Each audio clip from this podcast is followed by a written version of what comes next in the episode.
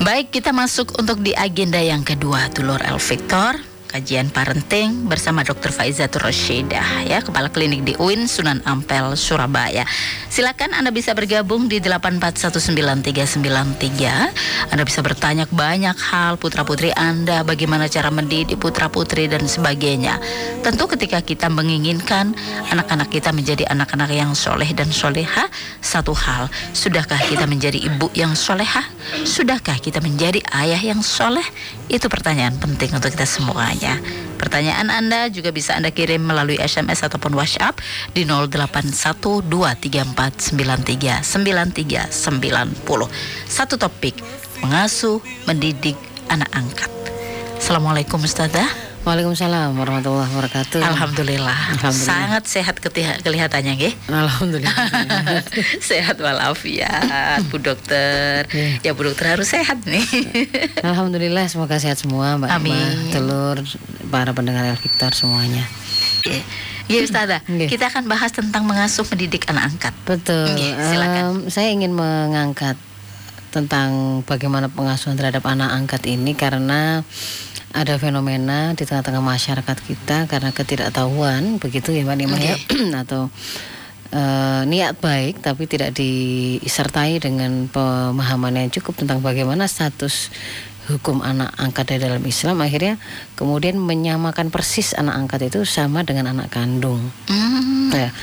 Eh, hari ini fenomena mengangkat atau mengadopsi anak itu kan sudah semakin marak, Mbak Nima, nggih. betul. Bisa karena ada beberapa banyak alasan, ada yang karena memang belum dikaruniai keturunan, kemudian akhirnya mengangkat atau mengadopsi anak orang lain, ada yang karena memang ingin membantu membantu apa pengasuhan anak-anak dari saudaranya yang kurang mampu atau tetangganya atau siapa yang kurang mampu yang kemudian eh, dibawa, dibawa ke rumah dibesarkan dibiayai dididik begitu ya. Karena ada kelonggaran ada kesempatan ada juga kemampuan. Artinya Ustazah, anak angkat dengan anak kandung itu adalah tetap beda begitu. berbeda. Nah Berbeda ya. ketika kemudian fenomena itu marak tidak kemudian kita juga sering melihat di tengah-tengah masyarakat kita itu mereka sering kali ini bisa jadi tidak tidak pada semua kasus ya Nggih. tapi sering kali kemudian anak-anak angkat ini diposisikan sama persis dengan anak kandung bahkan kemudian nisbah dinisbahkan nasabnya Mhm. diklaim disampaikan ke mana-mana itu adalah anak dari bapak A misalkan ya. Si X itu anak bapak A jadi X bin A gitu ya. Padahal sebenarnya dia bukan bukan nasab atau keturunan dari bapak A tadi. Tapi justru eh, orang tua aslinya asal usul nasab yang sesungguhnya itu ditutup-tutupi dan kemudian dibangun sebuah identitas baru bahwa anak asuh ini anak angkat ini adalah anak kandung dari keluarga bapak A tadi. Yang kemudian eh, apa namanya diikuti dengan hukum-hukum lain yang dianggap sama dengan anak angkat seperti kebolehan berikhtilat atau berkhulwat dengan ibunya dianggap seperti mahram Nggih. ke kebolehan untuk kemudian terbuka auratnya, Auratnya. begitu tidak sempurna menutup karena itu dianggap sebagai mahram dengan ibunya atau saudara-saudara saudara-saudara apa lawan jenisnya yang lain yang sat, satu angkatan bisa sat- apa saudara angkatnya misalkan ada yang laki ada yang perempuan disamakan boleh terlihat auratnya boleh bersama-sama hanya berkholwat di dalam rumah itu berdua saja dan seterusnya. Itu kemudian dianggap sebagai satu hal yang biasa dan boleh. Bahkan kemudian nanti ketika kemudian eh, meninggal misalkan itu mendapatkan hak waris yang sama diposisikan seperti anak kandung waris yang sama. Nah nanti yang seperti ini sebenarnya apa namanya bisa jadi memang kebanyakan karena kekurang tahuan mbak Nggih, Nima ya. nggih, nggih.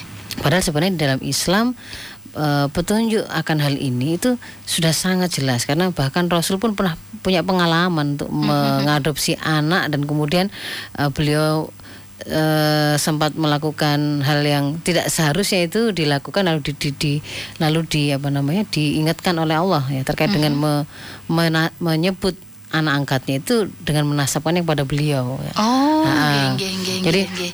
Sebenarnya fenomena mengadopsi anak itu juga sebelum masa kita ini juga sudah sering dilakukan di masa jahiliyah juga masa- sering ada, Mhm. sering ada begitu. Ya, Ustazah, Nggih. ini kan banyak hal yang memang harus diperhatikan ketika kita mengangkat atau mengadopsi Betul, anak itu. betul. Kecenderungan masyarakat, maaf ya, Mm-mm. seperti itu, seperti yang disampaikan Ustazah, bahkan cenderung untuk menutup-nutupi. Betul. Kan seperti Sehingga kemudian seringkalinya itu sering kali kemudian kejadiannya itu terbongkar ketika misalkan dia memiliki anak angkat perempuan. Padahal anak angkat perempuan itu ketika menikah kan dia harus dinikahkan oleh walinya. Mhm. Itu jalurnya adalah jalur nasab. Iya. Kan harus dicari akhirnya kan. Ketika kemudian seperti itu, kalau bapak angkatnya menikahkan kan tidak sah. Kan gitu kan ya. Atau kemudian kalau dinikahkan eh, wali hakim padahal kan bapaknya yang selama ini dia ketahui itu adalah bapaknya kan masih hidup. Kenapa kok pakai wali hakim? Akhirnya bertanya-tanya. akhirnya kan di situ kemudian muncul insiden tangis-tangisan dan set- seterusnya karena baru tahu setelah sekian bukan tahun ayahku. ternyata bukan ternyata aku bukan anak rumah ini dan seterusnya seterusnya seterusnya nah itu sesuatu yang lazim kita temui di masyarakat kita Ya, mereka mengira bahwa menutup nutupi identitas anak mengaburkan nasabnya bahkan menggantinya dengan penisbatan yang baru itu sesuatu yang baik padahal itu sesuatu yang di dalam Islam jelas dilarang Sebenarnya Jelas bagaimana dilarang. Islam Hmm. kemudian mengarahkan kita untuk Ah, ah. eh, apa ya? eh, untuk bagaimana untuk memperlakukan anak angkat itu Betul. seperti apa sih? Nah, itu ada di dalam penjelasan uh, Al-Qur'an yang ketika Allah memberikan peringatan atau pelajaran kepada Rasul bahwa Rasul itu kan memiliki anak angkat namanya Zaid bin Harisah itu Mbak iya. Rimah ya. Bekas budak beliau lalu kemudian diangkat menjadi anak beliau. Ketika kemudian beliau ingin menisbahkan Zaid itu kepada nama beliau, nah, Zaid bin Muhammad begitu. Nggih. Rasulullah ya. Ah, Rasulullah begitu, ha. Karena tidak mengetahui juga di mana keluarganya itu siapa. Waktu itu tidak tidak tahu beliau. Kemudian eh, Allah menurunkan Al-Quran Surat Al-Ahzab ayat 4 itu. A'udzubillahi minasyaitonirrajim. Wa ma ja'al adiya'akum abna'akum Dzalikum qawlukum biafwahikum. Wallahu yakulul haq wa huwa yahdis sabil. Bahwasannya Allah tidak menjadikan anak-anak angkatmu itu sebagai anak kandungmu sendiri yang demikian itu maksudnya menganggap anak angkat itu sama dengan anak kandung itu itu hanya perkataanmu di mulutmu saja. Nanti ada penjelasannya mbak Nima. Oke. maksudnya itu bahwa itu pengakuan yang tidak bermakna atau berimplikasi apa pun dalam hukum jadi meskipun kita itu meng- mengklaim bahwa ini adalah anak kandungku padahal hakikatnya tidak itu tidak mengubah status hukum dia di hadapan Allah. Bagaimana eh, batasan-batasan aurat yang kemudian ditetapkan dan berlaku atas dia bagaimanakah hukum tentang waris bagaimana hak dan kewajiban dia terhadap orang tua kandungnya terhadap orang tua angkatnya itu kemudian tidak tidak menjadi katut berubah gara-gara klaim itu. Karena itu dikatakan oleh Allah itu hanya perkataanmu di mulutmu saja. Dan Allah mengatakan yang sebenarnya dan dia menunjukkan jalan yang benar. Nah ketika eh, Rasul melakukan adopsi atau pengangkatan anak ini dan kemudian menisbat melakukan penisbatan nasabnya kepada beliau Allah kemudian me- mengingatkan hal ini dan menunjukkan kembali mengingatkan kembali bahwa anak anak angkat itu tidak sama dengan anak kandung. Bahkan kemudian pada beberapa pada beberapa ayat yang lain kita juga mendapatkan eh, penjelasan tentang hukum seputar anak angkat bahwa eh, Zaid bin Harisa ini ketika kemudian dia dewasa kan dia menikah dengan Zainab binti Jahas. Mhm. Nah, Zainab binti Jahas ini kemudian kan setelah dicerai oleh oleh Zaid bin Harisa itu dinikahi oleh Rasul. Oleh Nah, Rasul. jadi bahwa memang kalau kemudian sebelum pada masa jahiliyah orang menganggap bahwa anak angkat itu sama dengan anak kandung sehingga istrinya juga tidak boleh dinikahi oleh ayah. Tidak. Di, di situ Allah bahkan memberi pelajaran melalui Rasulnya bahwa anak angkat itu statusnya beda dengan anak kandung. Bahkan istrinya mantan istrinya ketika sudah diceraikan boleh dinikahi oleh bapaknya. Boleh dinikahi oleh bapak angkatnya. Ini anak angkatnya. karena memang tidak tidak ada di situ tidak tidak ada status tidak ada status nasab yang membuat itu menjadi mahram untuk di apa haram untuk dinikahi Iya, Kan begitu. tidak ada status mahram, Mahram, di situ, tidak tidak ada status nasab pun bukan di mahram situ, di ya. situ tidak mahram jadi eh, itu seperti itu jadi sehingga yang kemudian eh, harus dilakukan ketika kita mengasuh anak kita ketika kita mengasuh anak angkat eh, yang pertama harus dipahami oleh kita orang tua yang melakukan adopsi itu harus sadar bahwa anak angkat itu status hukumnya berbeda dengan anak kandung. Anak kandung. Yang kedua bahwa eh, kejelasan nasab di dalam Islam itu sesuatu yang sangat dijaga, kejelasan nasab di dalam Islam. Dan itu sama sekali tidak boleh dikaburkan. Karena di dalam setiap proses kelahiran seorang anak di situ tuh ter, ter apa namanya katut atau i- embedded atau apa bahasa Indonesia-nya ya eh, sudah ter terinclude di situ itu seperangkat hukum yang berbicara tentang bagaimana nanti nasib anak ini. Itu berawal dari kejelasan siapa bapaknya siapa ibunya? Kan gitu kan ya. Siapa walinya? Siapa eh, orang yang berkewajiban atas hadonah pengasuhannya persusuannya nafakohnya eh, keputusan-keputusan yang penting atas dirinya dan seterusnya itu. Itu jelas sekali. Lalu siapa yang nanti akan menjadi apa namanya saudaranya? Itu- semuanya itu seperangkat hukum itu akan akan katut di situ ketika eh, apa namanya jelas seseorang itu nasabnya siapa begitu. Nah sehingga dalam hal ini nasab itu sama sekali tidak boleh dikaburkan dalam Jadi Islam. sejak awal itu nasab itu nggak boleh ditutup-tutupi. Tutup, ditutup-tutupi. Kalau tuh selama ini binnya itu kemudian dialihkan kepada ayah angkatnya, itu sebenarnya tidak benar begitu Tidak ya? betul dan tidak boleh. Dan tidak boleh Tidak boleh. Rasul ya? kemudian kan me, me- me- ini me- apa namanya merevisi tidak tidak tidak tidak melakukan Tidak, penisbatan nasab mhm. itu kepada tidak beliau. Zaid bin Mm-mm. Rasulullah Nah, bin Muhammad begitu ya. Kalau misalkan tidak kita tidak tahu anak ini kita tidak tahu asal usulnya gitu ya. Allah menyampaikan kalau kamu tidak tahu siapa siapa asal usul dari anak angkatmu itu mau dinisbahkan kepada siapa, panggillah dia sebagai saudara dalam iman, dalam kebaikan. Jadi memposisikannya itu bukan eh, pakai panggilan itu saja begitu. Tidak usah pakai dinisbahkan nasabnya kepada pada namamu begitu. Dan itu diperbolehkan kita memanggil anak orang lain siapa pun itu karena bentuk kecintaan penghormatan dengan sebutan anakku Oke.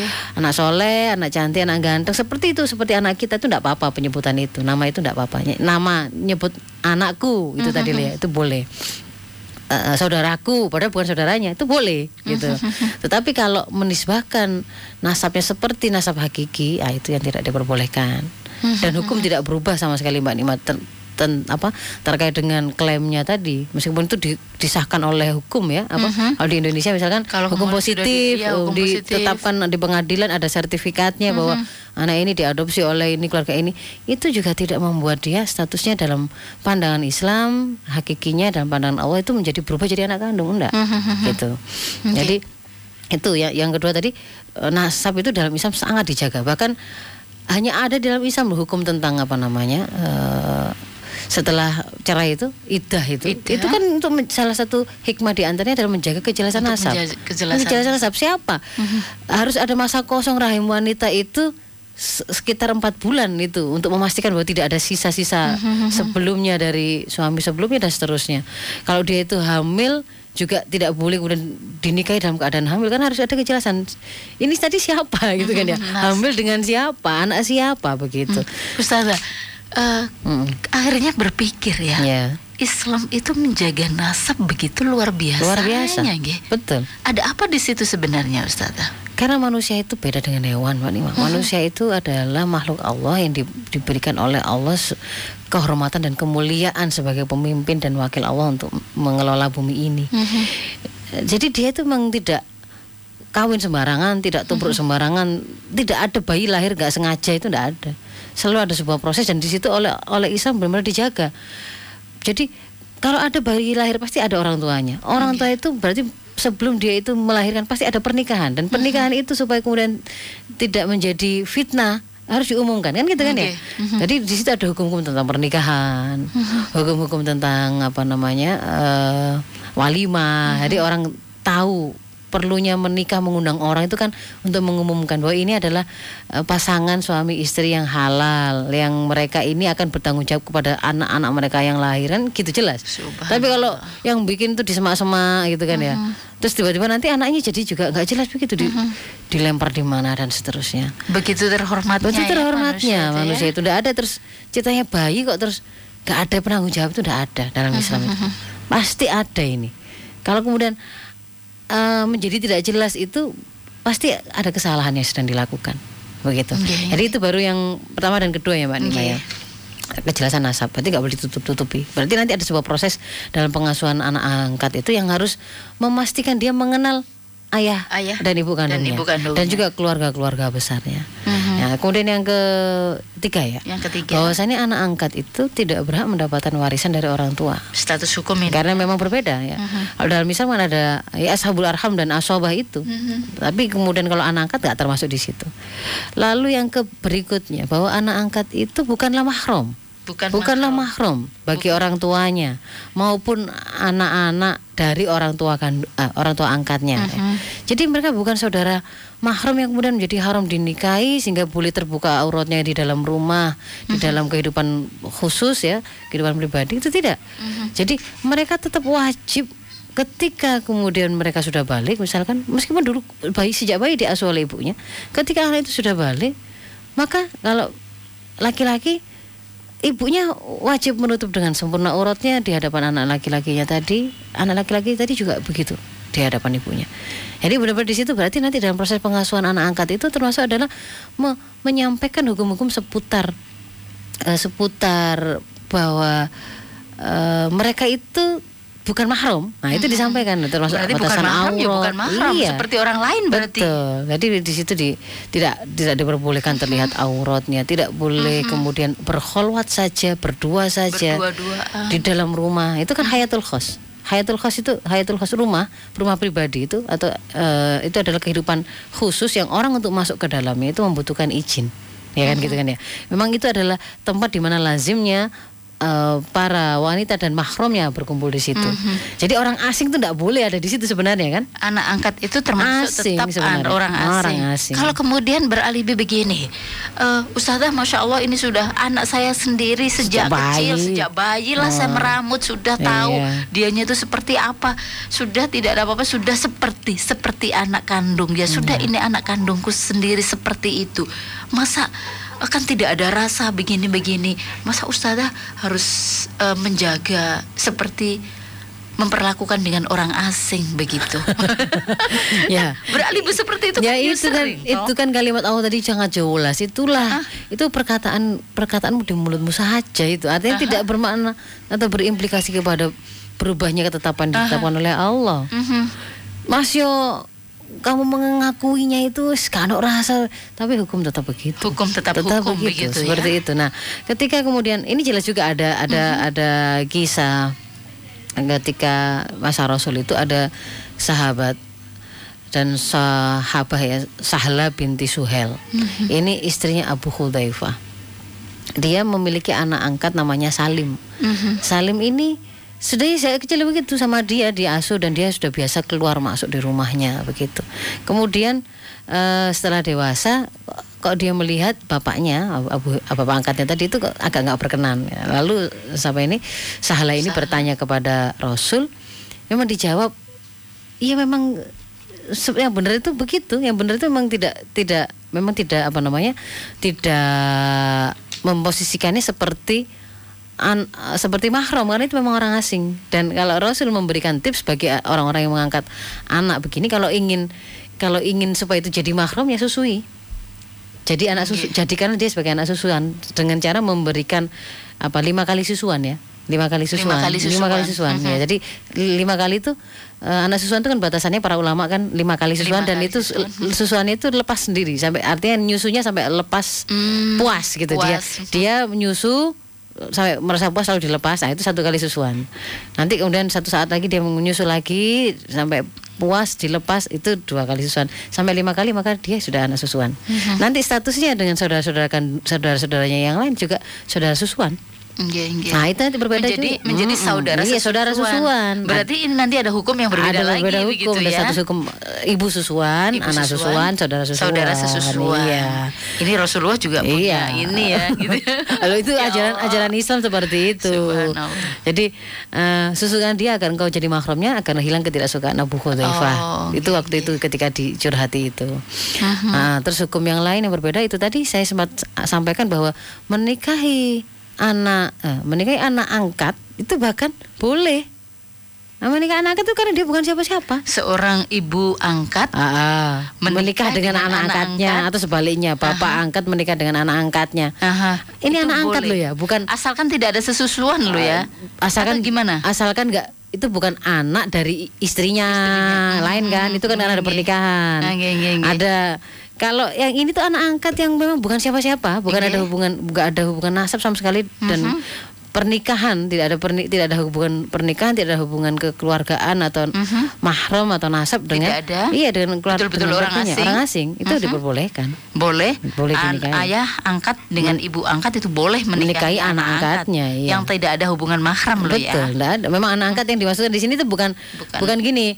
ah, Bapak A menikah dengan istri yang kedua, eh, karena yang pertama meninggal, istri barunya tuh punya anak, punya anak itu kemudian itu berarti disebut anak angkat enggak? Itu anaknya itu. Mhm. Kalau yang begitu itu. Iya. Tapi anak dari istri per- Dari dari istri- istri yang ke- yang kedua yang ini kedua. statusnya itu anak itu tidak boleh dinikahi sampai kapan pun itu kita harus paham betul itu Eh, ya. kalau sudah dikumpuli ibunya nggak boleh anaknya gitu lah yang begini-begini kan harus difahami ya itu yang Nggih. Nah, kemudian eh, bagaimana kalau begitu eh, apa namanya kita me- melakukan pengasuhan yang membuat anak-anak itu kemudian apa namanya ya mengenal keluarganya orang tua kandungnya secara alami tapi kemudian tetap tetap tetap nyam tetap apa ya kitanya sendiri itu merasa tetap nyaman untuk meng- mengasuhnya dan mendidiknya gitu ya Ah, legowo, Ah, begitu. terbuka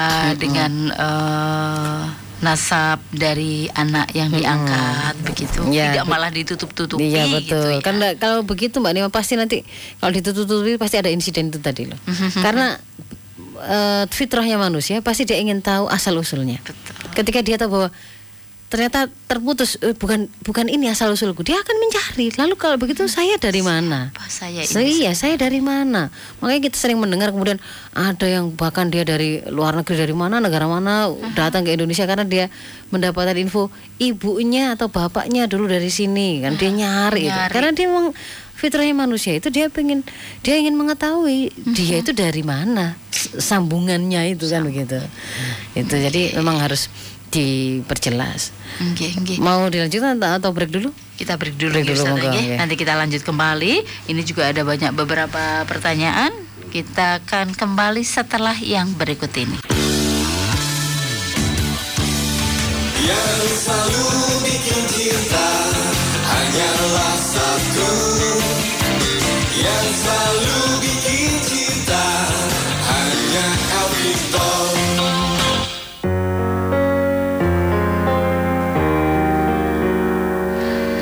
El Victor, kita masih kembali untuk di agenda yang kedua kajian parenting Sanik Mazis bersama Mas Helmi Ansori menemani Anda bersama Dr. Faizatul Rashidah Kepala Klinik di UIN Sunan Ampel Surabaya. Ya, kita lanjut. Oke. Ustazah, kita lanjut Iya. atau ini ada Atau masih banyak ada pertanyaan? materinya? Oke. Eh, mau masuk ke pertanyaan atau saya mau yang eh, kesempatan ini mau sharing yang bagaimana lalu contohnya me- memperkenalkan anak secara alami dengan keluarga aslinya itu Ah. sehingga tidak sampai terjadi kejadian yang tadi ya tangisan-tangisan ketika Boleh. mau menikah dan seterusnya. Nah, boleh barangkali bisa diselesaikan dulu. Nanti kemudian kita bergabung dengan penelpon. Nah, ah. jadi kebetulan Mbak Nima alhamdulillah eh, saya berkesempatan untuk memiliki anak angkat. Oke. Pernah Ya. diberikan oleh Allah amanah untuk memiliki anak angkat dan itu sejak dia masih bayi ya empat bulan sejak. Jadi putra paman yang meninggal eh, pada waktu dia masih empat bulan dan sejak saat itu memang kemudian eh, apa namanya kehendak Allah itu memper- dipertemukan dengan kami dan kemudian eh, kami asuh begitu ya Sampai hingga tahun itu, 15 Ustazah? tahun hingga 15 tahun. setelah balik dia kembali ke orang tuanya kembali ke ibunya. Nah, jadi di situ itu ya bahwa yang harus dimiliki oleh orang tua asuh yang pertama bahwa dia ketika mengangkat anak itu sebenarnya ini juga harus dimiliki mental ini kepada semua orang tua terhadap anaknya ya. Anak itu bukan an- bukan milik mereka gitu ya. Meskipun anak kandung loh ya. Bukan milik mereka. anak itu bukan milik mereka. Jadi memang sudah dengan kesiapan hanya mengambilnya sebagai amanah. Nah, Iya. amanah dari Allah untuk kemudian kita kewajiban kita adalah melakukan ikhtiar terbaik untuk menyelesaikan amanah itu.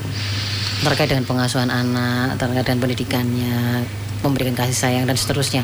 Tapi tidak untuk memposisikannya atau menganggapnya sebagai milik kita nanti menjadi investasi kita yang harus kemudian apa namanya ya sesuai mau kita begitu ya. Sesuai mau kita karena kita sudah melakukan investasi maka nanti harus kembali modal begitu. Harus ada reward atau imbal balik dari anak kita karena dia adalah milik kita. Nggak nggak itu nggak, nggak boleh ada itu. Jadi di sini memang belajar keikhlasan sebagai orang tua dan kesadaran penuh bahwa anak itu bukan milik kita tetapi titipan dari Allah harus dipahami Kembali mau anak. mau angkat mau kandung ya sama Iya. Kemudian yang berikutnya adalah bahwa kalau eh, anak kandung itu kemudian kita berusaha kenalkan kepada Allah sebagai sandaran kenapa dia harus menghormati dan menyayangi kita sebenarnya anak angkat juga sama. Sandarannya adalah tetap kepada Allah. Tapi kemudian diteruskan dengan bahwa dia memiliki ada orang tua kandungnya ada, ada kita orang tua angkatnya. Nah, begitu. Keduanya dia itu memiliki kewajiban karena Allah terhadap kedua orang tua kandungnya dan juga kepada kita yang mau mengasuh membesarkannya. Berarti orang tua angkat ini harus mengenalkan sandarannya eh, selain Iya. Allah tetap orang iya, tuanya. orang tua. Jadi dia itu ada, dia itu ada merupakan kodok dari Allah, tadi dari Allah yang kemudian melahirkannya melalui eh, rahim ibu kandungnya dan dia itu dari bapaknya, bapak kandungnya. Kalau kemudian kita ketahui sebutkan, sebutkan namanya, ken apa di mana alamatnya, kenalkan dia dengan orang tua kandung itu sesuai secara alami, secara alami saja bahwa kalau misalkan dia sebelumnya atau saudara-saudaranya memanggil bapak ibunya itu dengan bapak ibu supaya tetap sama panggilkan dia dengan bapak kandungnya itu bapak ibu sementara dengan kita berbeda. Untuk membedakan dia. Misalnya dengan kita kita manggilnya mama papa boleh abi umi boleh. Saya melakukan seperti itu. Jadi kalau anak saya ayah dan ibu dia memanggil ayah ibu kandungnya. Ayahnya sudah meninggal ya. Nah, ibunya ibu kandungnya dia panggil dengan ibu ketika saya mau memanggilkan diri saya saya memanggilkannya dengan nama yang berbeda. Abi dan Umi. Kenapa kok Abi dan Umi? Padahal kan saya bukan ibu dan bapak kandungnya. Tetapi kan kami orang tua yang mengasuh dan membesarkannya. Penghormatan terhadap orang yang mengajarkan kita pengasuhan pendidikan dan seterusnya itu sudah itu diperbolehkan dalam Islam. Sama seperti kita meng- me- me- memanggil dengan penuh penghormatan guru-guru kita dengan ibu dengan bapak dengan buya itu kan boleh. Tapi tidak bermaksud untuk me- me- eh, apa namanya mena- menisbahkan nasab. Kan tidak tetapi penghormatan boleh. Sama seperti tadi hukum kita memanggil anak orang lain dengan anakku juga boleh. Tapi tidak bermaksud untuk menisbahkan dia menjadi anak kita tetapi karena kesa- rasa sayang cinta. Itu. Yang kemudian Nanti diperkenalkan secara alami. Kenalkan itu di mana rumahnya. Kalau misalkan eh, apa namanya lebih bagus lagi itu sebenarnya jangan merubah jangan merubah apa namanya identitas-identitas apa pun begitu. Jadi misalkan dia masuk di dalam kakak kita, ya tetap di situ eh, kakak kita itu ya bunyinya ada ada anak tersebut di dalam kakak kita, tetapi kan nanti di situ ada keluar Ada keluarga, ayah, ayah, ayah kandung hmm, dan ibu, ibu. kandung, tetap nama bapak ibunya. Berarti nama bapak Ah, ibunya begitu ya? Bisa jadi nanti di situ keterangannya itu nanti adalah saudara Iya. atau eh, atau orang lain begitu di situ ada keterangannya. Nggak masalah itu. Hmm, tetap seperti Hmm, itu ya. betul, seperti Wah, itu. ini harus legowo nih ya. Ya, saya mengatakan Ibu. awalnya adalah eh, kesadaran bahwa mereka memang bukan milik kita dan memang harus ikhlas sebagai sandarannya. Pak. Harus disampaikan Harus sama yang bersangkutan ya. Iya. Supaya nggak nelongso kalau sudah Betul, betul. nggak terjadi insiden-insiden seperti itu tadi. Dan ini ya. sebenarnya juga dilakukan secara alami saja, Mas Helmi. Jadi kalau misalkan kalau pengalaman kami sendiri, eh, ketika anak itu masih kecil kan tentu dia pasti lekat dengan saya sebagai eh, ya Ibu sehari-hari yang- dia lihat yang mengasuh dia sehari. Tapi eh, secara berkala pasti kami bawa kepada ibunya, kepada saudara-saudaranya, terutama pada masa-masa yang apa ada berkumpul misalkan hari raya kah atau kemudian ada Dibawa ya. Iya, dibawa, dibawa mau diperkenalkan, tetap panggilannya kan sama. Ini masnya, ini ibunya dan seterusnya. Nanti seiring perjalanan waktu dia akan mulai memahami kan. Dia akan mulai memahami loh. Oh, berarti saya itu saya itu lahir dari siapa? Dia mulai paham tentang proses kelahiran. Saya dulu ada di perut itu kita sampaikan secara alami. Jadi dulu waktu anak saya namanya Ahmad. Ahmad itu dulu waktu di perut ibu, Ibu Yun gitu. Saya sebutan namanya, bukan bukan di perut Umi, di perut Ibu Yun begini dan seterusnya. Itu kita sampaikan biasa saja ya. Iya, iya, iya, iya. Jadi tidak dengan ketakutan, menutup-nutupi lah, menutup-nutupi ketakutan. rasa. Enggak ada. Biasa, Nanti biasa. kembali kepada ibu aslinya, Ah, ibu kandungnya, kan begitu yang itu ditakutin. se- saya sering itu mendapatkan nasihat-nasihat ketika saya pada ketemu orang-orang yang tidak tahu kan begitu. Loh kenapa kok sering dibawa ke sini? Jangan dibawa ke sini nanti jadi dipek lagi oh. Gitu Sandu memang yang kemarin berniat untuk ngepek siapa gitu. Terus nanti anu begini nggak mau dan seterusnya itu. Tidak masalah kita tidak hendak mem- memisahkan dia dari ibunya. Tapi karena waktu itu meng- dia membutuhkan untuk kami bantu untuk kami asuh begitu Nah, karena ada saudara-saudaranya kecil yang dan seterusnya pokoknya itu Ustazah, ini sepertinya ada penelpon yang Iya, sejak sudah. tadi Oh, iya, itu enggak. bertelepon terus Iya. begitu ya. Mungkin punya anak. Eh, barangkali yang bersangkutan ya Iya. eh, punya persoalan. Assalamualaikum. Salam, Nggih, dengan Bapak salam Pak Sultan. Pak Sultan. J, silakan Pak Sultan. saya mau tanya tentang walinya ini. Oh, nggih, silakan Bapak. pernah apa itu menolong ad- adiknya istri saya masuk di kakak saya. Karena pada waktu itu adik saya itu eh, suaminya nggak jelas, aduh kecil. Jadi satu setelah besar, sekarang sudah remaja, sudah keluar dari SMK. Nah, permasalahannya sekarang mau kan kawin. Mm-mm. sehingga pada waktu itu saya apa itu keluarkan dari kakak saya nanti kan khawatir nanti saya itu eh, mesti kan masalah pengurusan nanti binti saya nantinya nah akhirnya sudah sekarang masuk ke orang tuanya sendiri Nah, pertanyaan saya, ini walinya ikut siapa? Dan Iya. apa itu yang saya laksanakan ini benar mendasar hukum? Terima kasih. Iya. Nggih, Pak Sultan. Waalaikumsalam.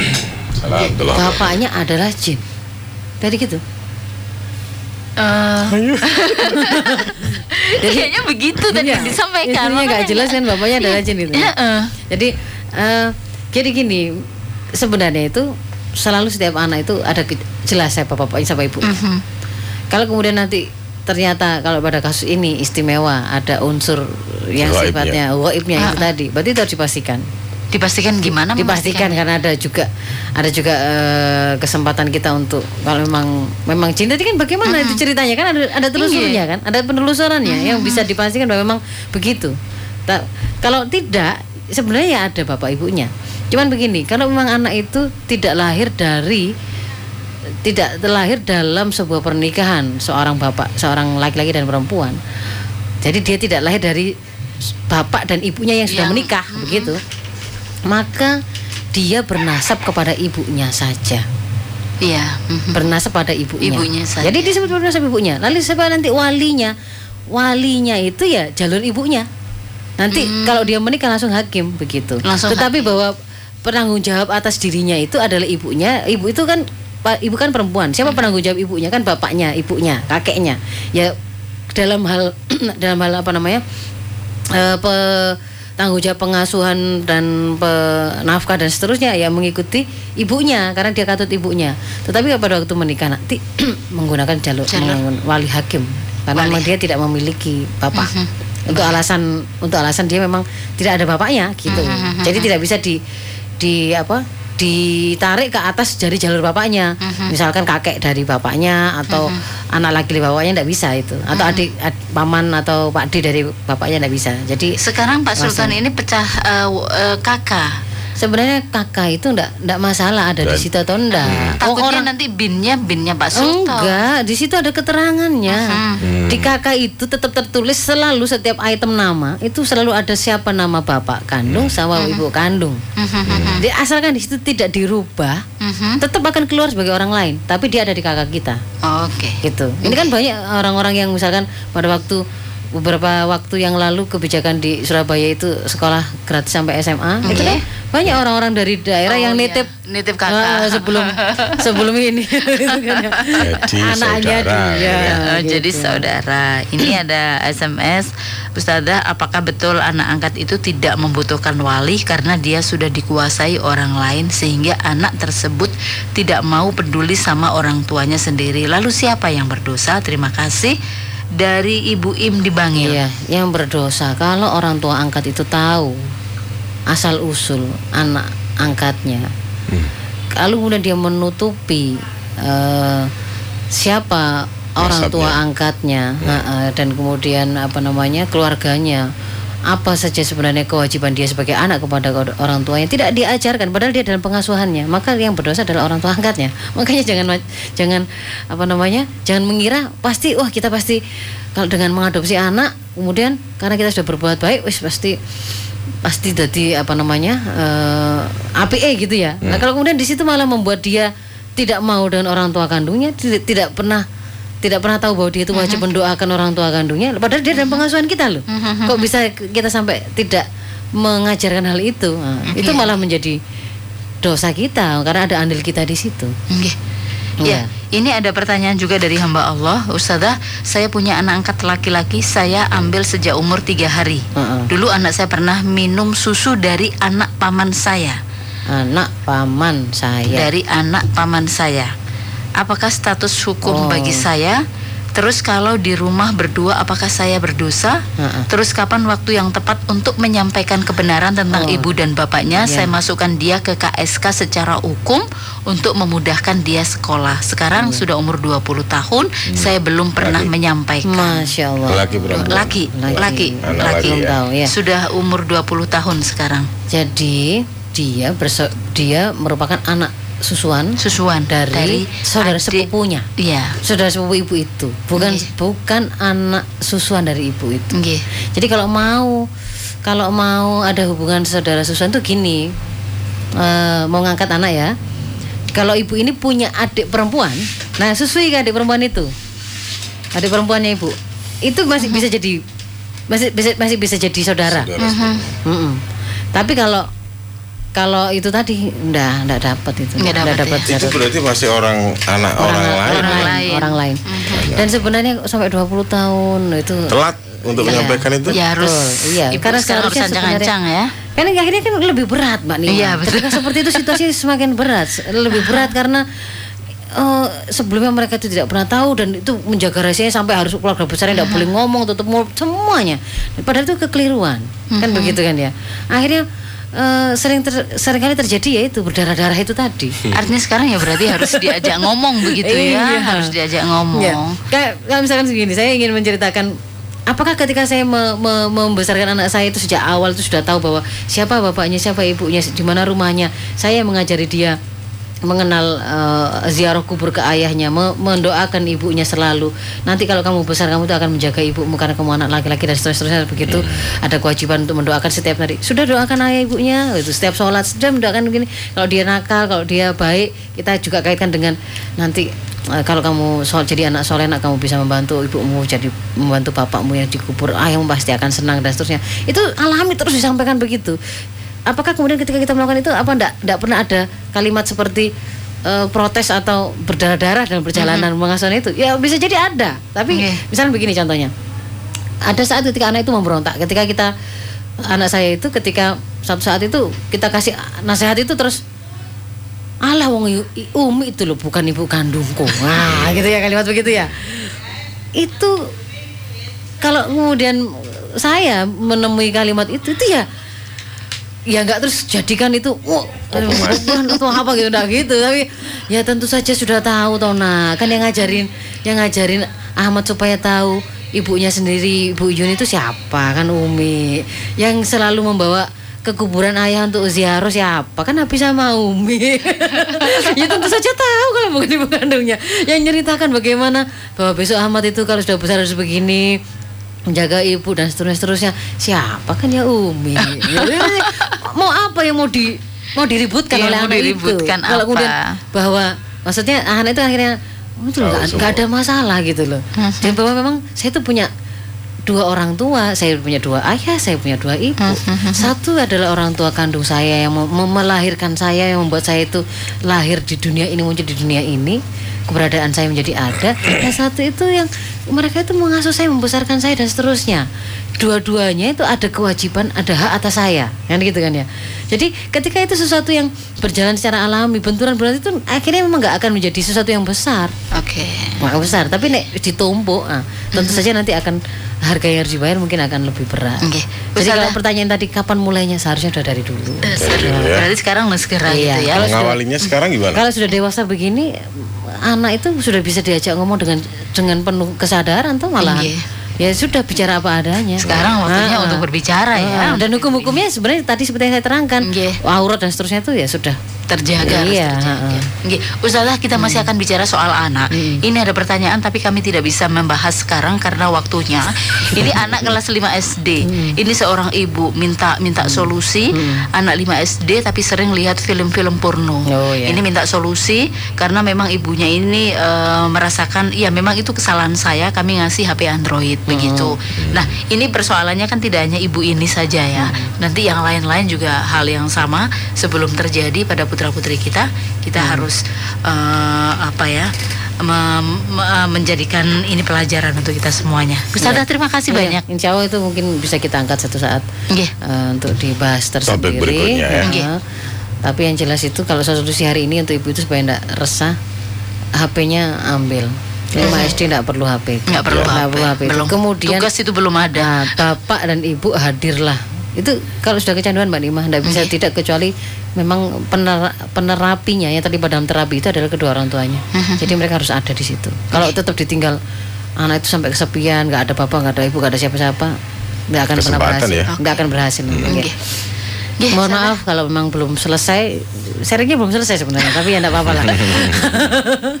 kan nanti di situ belum diekspor bagaimana di tengah-tengahnya itu ya, jadi ya, Iya. ya semoga yang sedikit itu tetap bisa mencerahkan, tetap bisa menjadi inspirasi. Saya mohon maaf kalau ada hal yang kurang berkenan, ya. Oke. Sami-sami. Terima kasih. Jazakillah Ustazah. Assalamualaikum. Assalamualaikum. Waalaikumsalam warahmatullahi wabarakatuh. Kita harus segera pamit juga Mas Elvi. Ya, terima kasih semuanya. Mohon maaf tidak tercover pertanyaannya, harus menyimpan pertanyaan dan sebagainya ya. Hmm, Nanti kita agendakan karena ini adalah untuk putra putri kita semuanya, untuk kita. Kita tidak ingin putra putri kita ini menjadi eh, terjebak dengan hal-hal yang saat ini, masya Allah ya. Jadi bagaimana putra putri kita ini tetap aman begitu. Oke. kita Baik, saya Alban. Sori. Saya Nikmat Aziz Billahi Taufik wal Hidayah. Assalamualaikum warahmatullahi Warahmatullahi wabarakatuh.